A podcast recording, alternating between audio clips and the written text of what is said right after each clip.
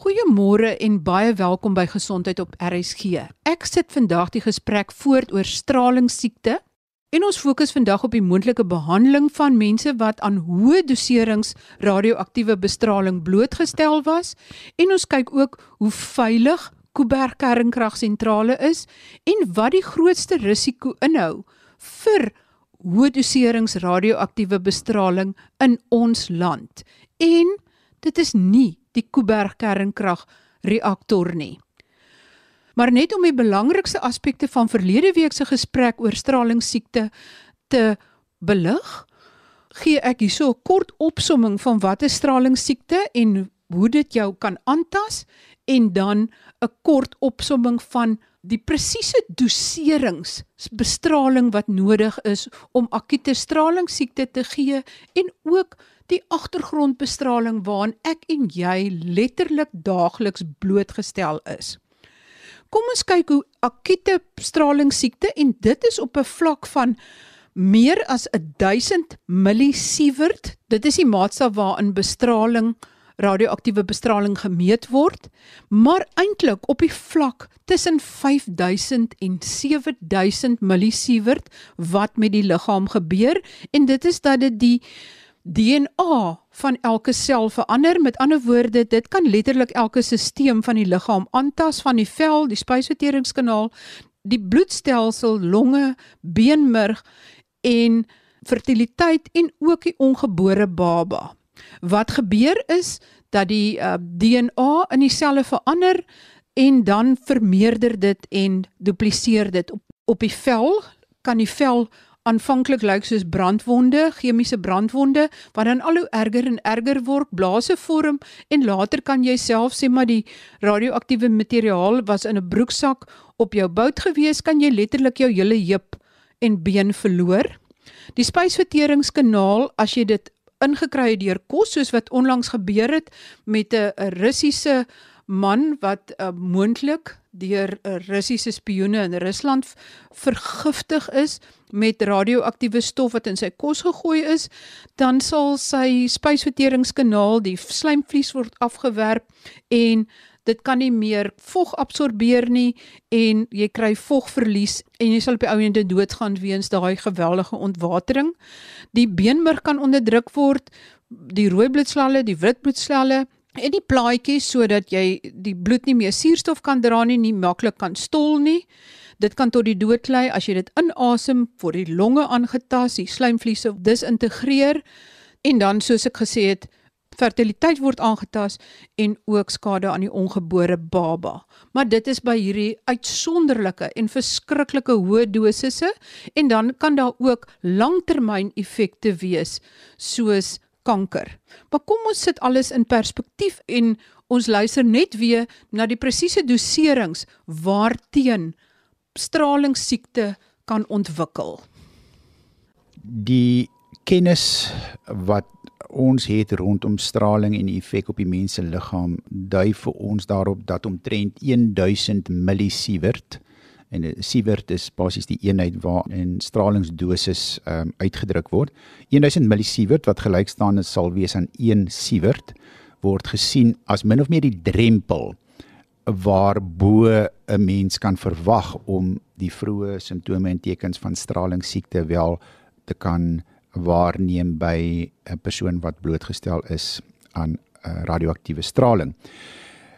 Ons verwag egter die uitgesproke stralingsiekte eers om en by tussen 5 en 7 sievert, so 5000 tot 7000 millisievert. Straling is 'n gevaar en dit kan 'n gevaar vir ons gesondheid inhou, maar in lae dosisse is die gevaar baie baie minder.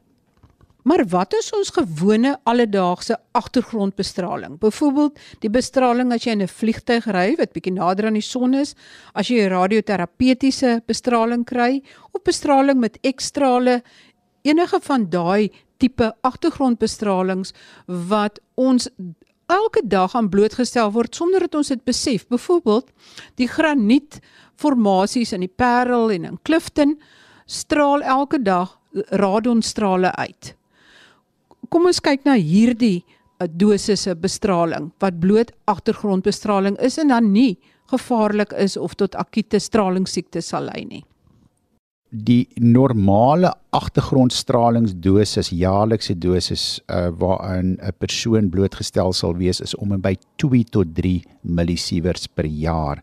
Natuurlik sal jou blootstelling as jy naby die Parelberg bly of naby ander granietneerleggings bly sal effe hoër wees as dit, maar nog steeds praat ons nie van naaste by die vlakke van straling wat 'n uh, mens aan blootgestel sal wees tydens byvoorbeeld 'n ongeluk by 'n kernkragsentrale nie. As jy net naby aan 'n kernkragsentrale bly. Kom ons sê jy bly in Melkbosstrand, jy bly net buite die heininge van Kuiberg kernkragsentrale, sal jou jaarlikse blootstelling min of meer 0.01 millisievert wees ekstra boonbehalwe jou normale agtergrondstraling wat jy sal kry So die die bydrae van die kernkragsentrale se werksaamhede op daardie afstand gaan vir jou verskriklike lae ekstra ehm um, stralingsdosis gee. Sou jy gaan vir 'n mammogram, sal jy om en by 'n stralingsdosis van 0.42 millisievert, nog nie eens 'n halwe sievert of millisievert per episode hê nie, sou jy gaan vir 'n borskas ekstraal 0.1 millisievert per episode. Sou jy gaan vir 'n hele liggaam skandering 10 millisieverts per episode. En onthou wat ek van tevore genoem het van die radioaktiewe materiaal wat ons normaalweg natuurlikerwyse in ons liggaam mag hê en ek het die voorbeeld genoem van kalium so die interne stralingsdosis wat ons van 'n natuurlike radioaktiewe element in die liggaam mag kry soos kalium is maar ongeveer 0.29 millisieverts per jaar. So ek dink as ons hierdie syfers vergelyk met die 1000 eh, millisievert wat min of meer die drempel is vir stralingsiekte en dan die 5000 tot 7000 millisievert vlak wat geassosieer is met die akute stralingsiekte sien ons dat die gesondheidseffek wat ons sal verwag met hierdie lae vlakke van van bestraling glad nie uitgesproke gesondheidseffekte sal wees nie.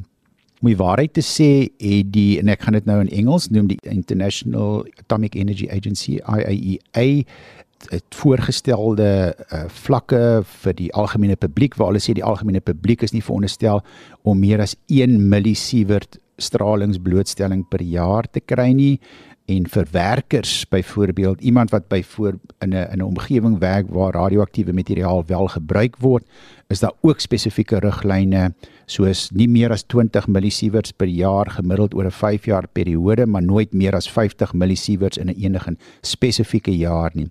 So ons kan sien hierdie doserings is almal baie baie klein maar ons moet altyd een ding onthou die stoegastiese effek van blootstelling aan ioniserende straling. Met ander woorde, die effek wat verskyn sonder dat 'n spesifieke drempeldosis oorskry hoef te word.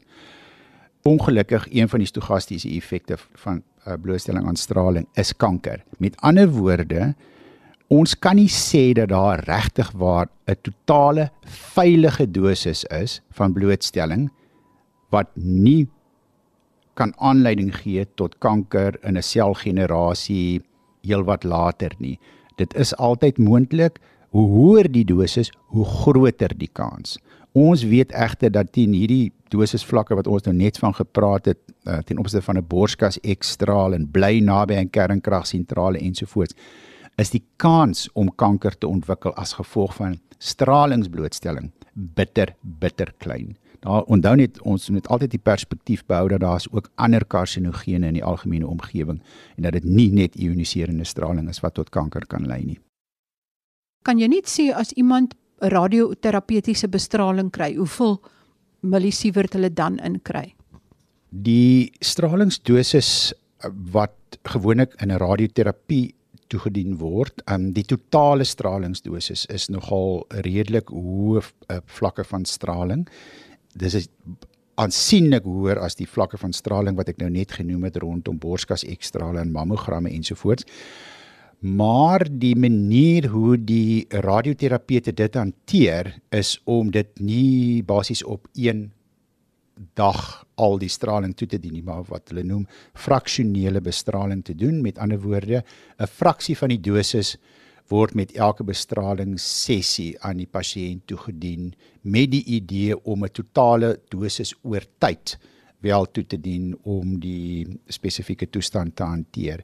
So die persoon wat radioterapie ondergaan, ondergaan definitief baie baie hoër vlakke van straling as die algemene publiek, maar dit word toegedien op so 'n mate dat dit nie akute straling siekte sal ehm um, veroorsaak nie.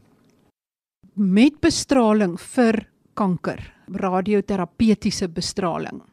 Gebruik hulle stowwe soos gamma strale en proton bestraling en in verskillende soorte bestraling wat elkeen sy eie energievrystelling gee. En party kan jy baie akkuraat mik dat hy al sy skade op een klein plekkie veroorsaak om juis die skade aan die omliggende weefsel te voorkom.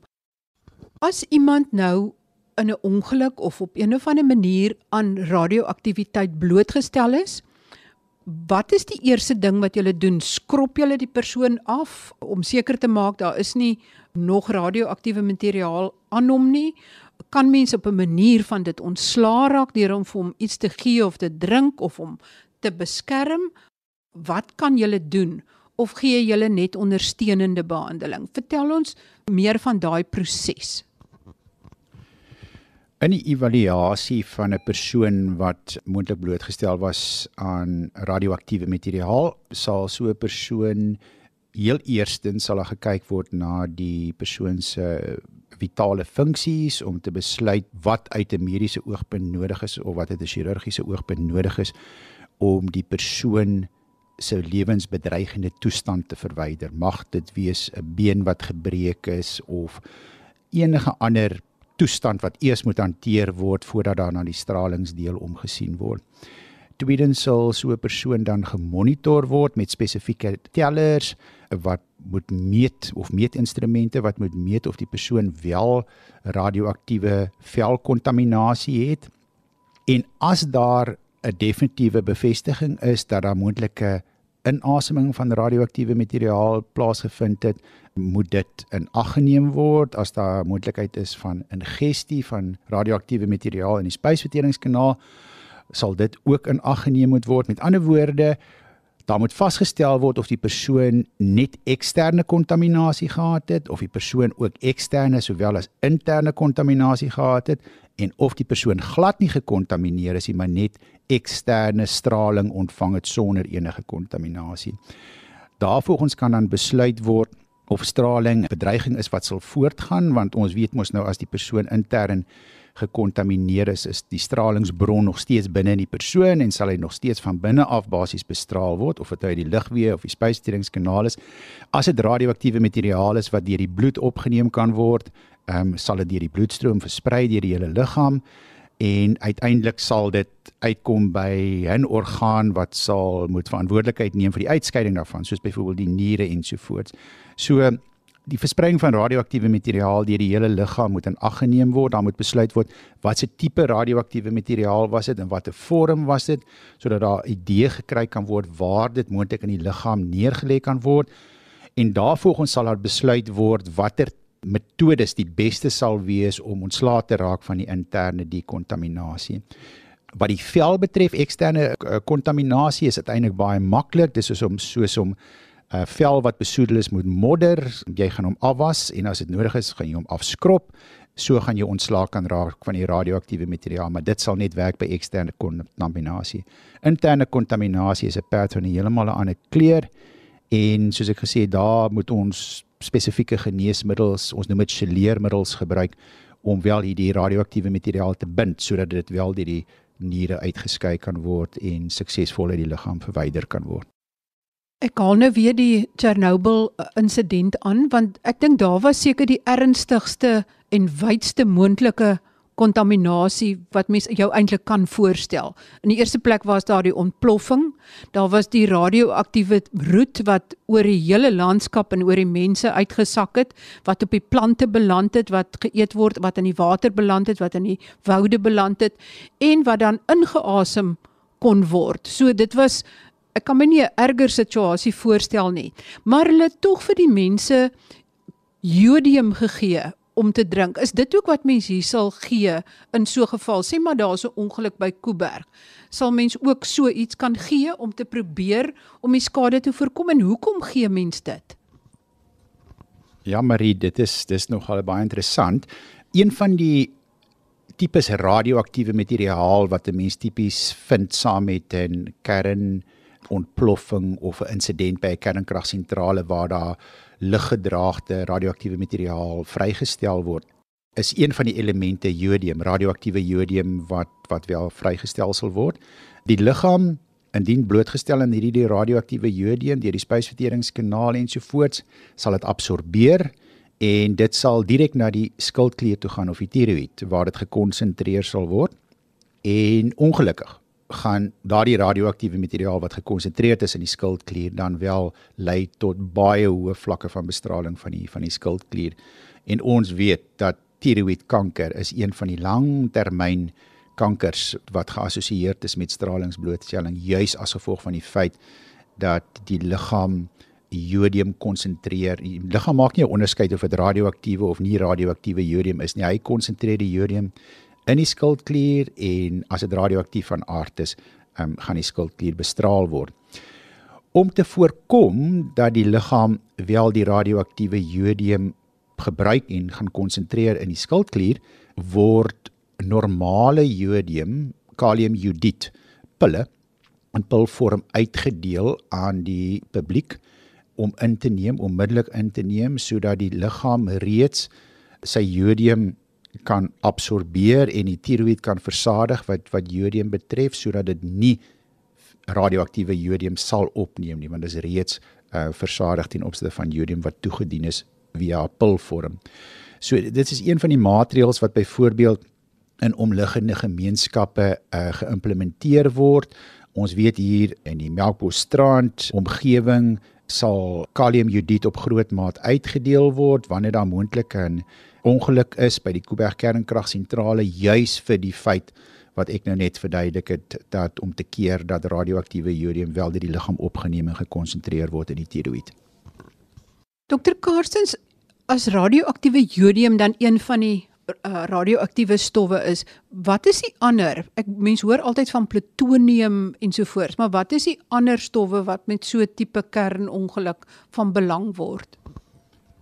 Die vernaamstes as ek so 'n bietjie vinnig terugdink aan die wetenskap rondom dit is die vernaamstes waarskynlik plutonium en strontium wat uh, as radioaktiewe materiaal vrygestel word tydens so 'n kernongeluk. Suid-Afrika het net een kernkragsentrale en dit is by Kuiberg en hy's ook uh, nou al sê maar 20, 30 jaar gelede gebou of dalk langer terug.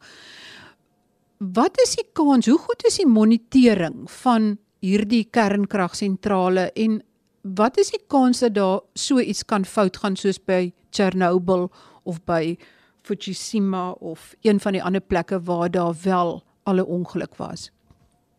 Ehm um, Suid-Afrika het 'n nasionale kernreguleerder wat spesifiek omsien na die veiligheidsstandaarde by Kuiberg kernkragsentrale. So Kuiberg kernkragsentrale wat bedryf word deur Eskom het 'n spesifieke lisensie onder die nasionale kernreguleerder en hulle kan net hierdie lisensie behou as hulle die lisensie vereistes nakom. Die lisensie vereistes sal onder andere insluit baie gereelde audits van eh, die kernkragsentrale homself, die fasiliteite, die personeel eh, wat daar werk ensovoorts en noodplanne wat in plek is ensovoorts. Alles word basies geëvalueer op internasionale standaard soos voorgeskryf deur onder andere die International Atomic Energy Agency. So wat my betref is die beheer rondom Kuiberg kernkragsentrale baie goed. Ons voldoen aan internasionale vereistes en regulasies. Dit word baie streng afgedwing goed moet verkeerd gaan en as gevolg daarvan 'n kettingreaksie veroorsaak voordat daar wel 'n insident kan plaasvind soos wat byvoorbeeld by Fukushima en en Chernobyl gebeur het. Dr Karstens, wie in die wêreld is die leiers op die gebied van die behandeling van stralingsiekte? Ek neem aan die russe is dalk ook een van hierdie wêreldleiers juis omdat hulle al deur so verskriklike ongeluk is. Maar wie word gereken as die wêreldleiers op hierdie gebied? Ja, ek dink jy jou aanname wat jy maak is heeltemal reg. Die die Russe het een van die swakker rekords wanneer dit kom ten opsigte van ongeluk en ongelukke waar mense blootgestel word aan ioniserende straling, radioaktiewe straling. En as gevolg daarvan het hulle die meeste ervaring in die hantering van pasiënte wat wel daaraan blootgestel word. Ek sou sê die ekspertise op hierdie stadium berus hoofsaaklik by die Russe en dan ook in Frankryk sowel as die Verenigde State. Dr Karstens, daar was onlangs 'n voorval in Australië waar werkers aan bestraling blootgestel is en ek verneem daar's elke nou en dan ook 'n bestralingsinsident in Suid-Afrika. Is julle bekommerd hieroor en wat is julle grootste bekommernis met bestralingsongelukke? Ek dink ons grootste bekommernis rondom die publiek se blootstelling aan ioniserende straling is nie geassosieer met kernkragsentrales nie. Die grootste probleem is dat radioaktiewe materiaal word binne 'n baie wye verskeidenheid van industrieë wel gebruik in die vervaardigingsindustrie by van byvoorbeeld monitering van grondvog die vervaardiging van brandalarms ensovoorts. Dit is maar net twee van die menige plekke waar ons sien dat radioaktiewe materiaal in die algemene industrie gebruik word.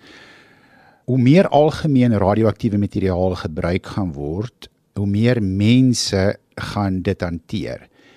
Radioaktiewe materiaal wanneer dit vervaardig word, word gewoonlik vervoer en gebruik in omgewings waar daar baie goeie beskermingsmaatreëls veronderstel is om te geld. Ons vind egter dat daar wel ongelukke plaasvind En as gevolg van die wydverspreide gebruik van radioaktiewe materiaal raak hierdie ongelukke al hoe groter, maar dit is dan gewoonlik ongelukke waar ten minste een persoon blootgestel word aan radioaktiewe uh, bestraling. Dit is ook dan as gevolg van onkunde, hoofsaaklik as gevolg van onkunde waar die persoon die houer sal optel waarin die radioaktiewe materiaal is. Die houer lyk vir hom na 'n baie interessante stukkie metaal. Hy vat dit huis toe sit dit in sy broeksak, vat dit huis toe. Vanaand besluit hy hy wil miskien bietjie verder gaan kyk of daar iets binne in hierdie houer is. Hy saag dit miskien oop en in die proses vind daar stralingsblootstelling. Hy wys dit moontlik vir sy gesin, die gesin word blootgestel aan aan radioaktiewe straling. Dis die tipiese scenario wat ons sien wat gelei het tot ongelukke oor see en wat ook nou al hier in Suid-Afrika so af en toe gesien word en ek dink dit is wat 'n mens graag sou wou voorkom is egter hoe meer radioaktiewe materiaal gebruik gaan word in die wye industrie hoe moeiliker gaan dit raak om dit wel te polisieer.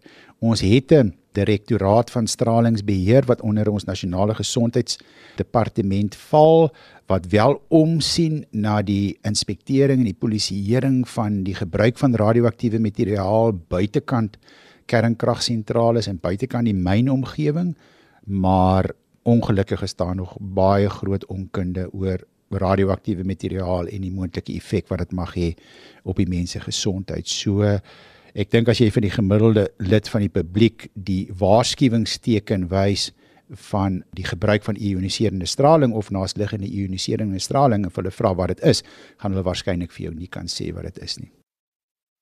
Sjoe, dit maak my nogal bekommerd veral in die lig van die baie kapings. Die die kaper mag dalk nie weet wat hy hanteer nie en dan is dit al die tyd dalk 'n radioaktiewe materiaal. Maar Dr. Karstens om af te sluit, wat sal jou finale boodskap in 'n neute dop wees aan die luisteraar wat nou na die program luister? My vernaamste boodskap vir die algemene publiek sal wees om nie so seer bekommerd te wees oor Kuiberg kernkragsentrale of enige ander groot kernkragaanleg wat moontlik naby aan aan jou woonplek is en wat 'n effek kan hê op jou gesondheid as daar 'n ongeluk gaan plaasvind. Die kans dat daar 'n ongeluk gaan plaasvind is bitter bitter skraal. Ek dink die tweede deel van die boodskap is dat ons moet aanvaar dat ons word op 'n natuurliker wyse bestraal deur ioniserende straling op 'n daaglikse basis. Ons kies om om sekere ondersoeke te ondergaan waar ons ook bestraling gaan kry waar dit bydra tot die dosis totale dosisse van straling wat ons vir ons liggame gee en dat die vlakke waarteen ons hierdie stralingsdosis ontvang is egter van so 'n aard dat dit onwaarskynlik hoogs onwaarskynlik sal lei tot direkte gesondheidseffekte in die algemene publiek. Baie dankie aan Dr. Sidney Karstens, beroepsgeneeskundige verbonde aan Universiteit van Stellenbosch Mediese Skool en ook die Tygerberg Hospitaal vir die insiggewende gesprek oor stralingsiekte, die veiligheid van kernkragsentrales en dan die moontlike risiko's vir radioaktiewe bestraling. En gaan kyk gerus op die webblad. Daar's interessante inligting gelaai oor Chernobyl, oor kernongelukke, oor stralingsiekte en ook die teken dat 'n voorwerp radioaktief is. Ken jy daardie teken en verstaan jy waarvoor dit staan? Volgende week gesels ons weer gesondheidsake, moenie dit misloop nie. Tot volgende week dan. Groete van my, Marie Hudson.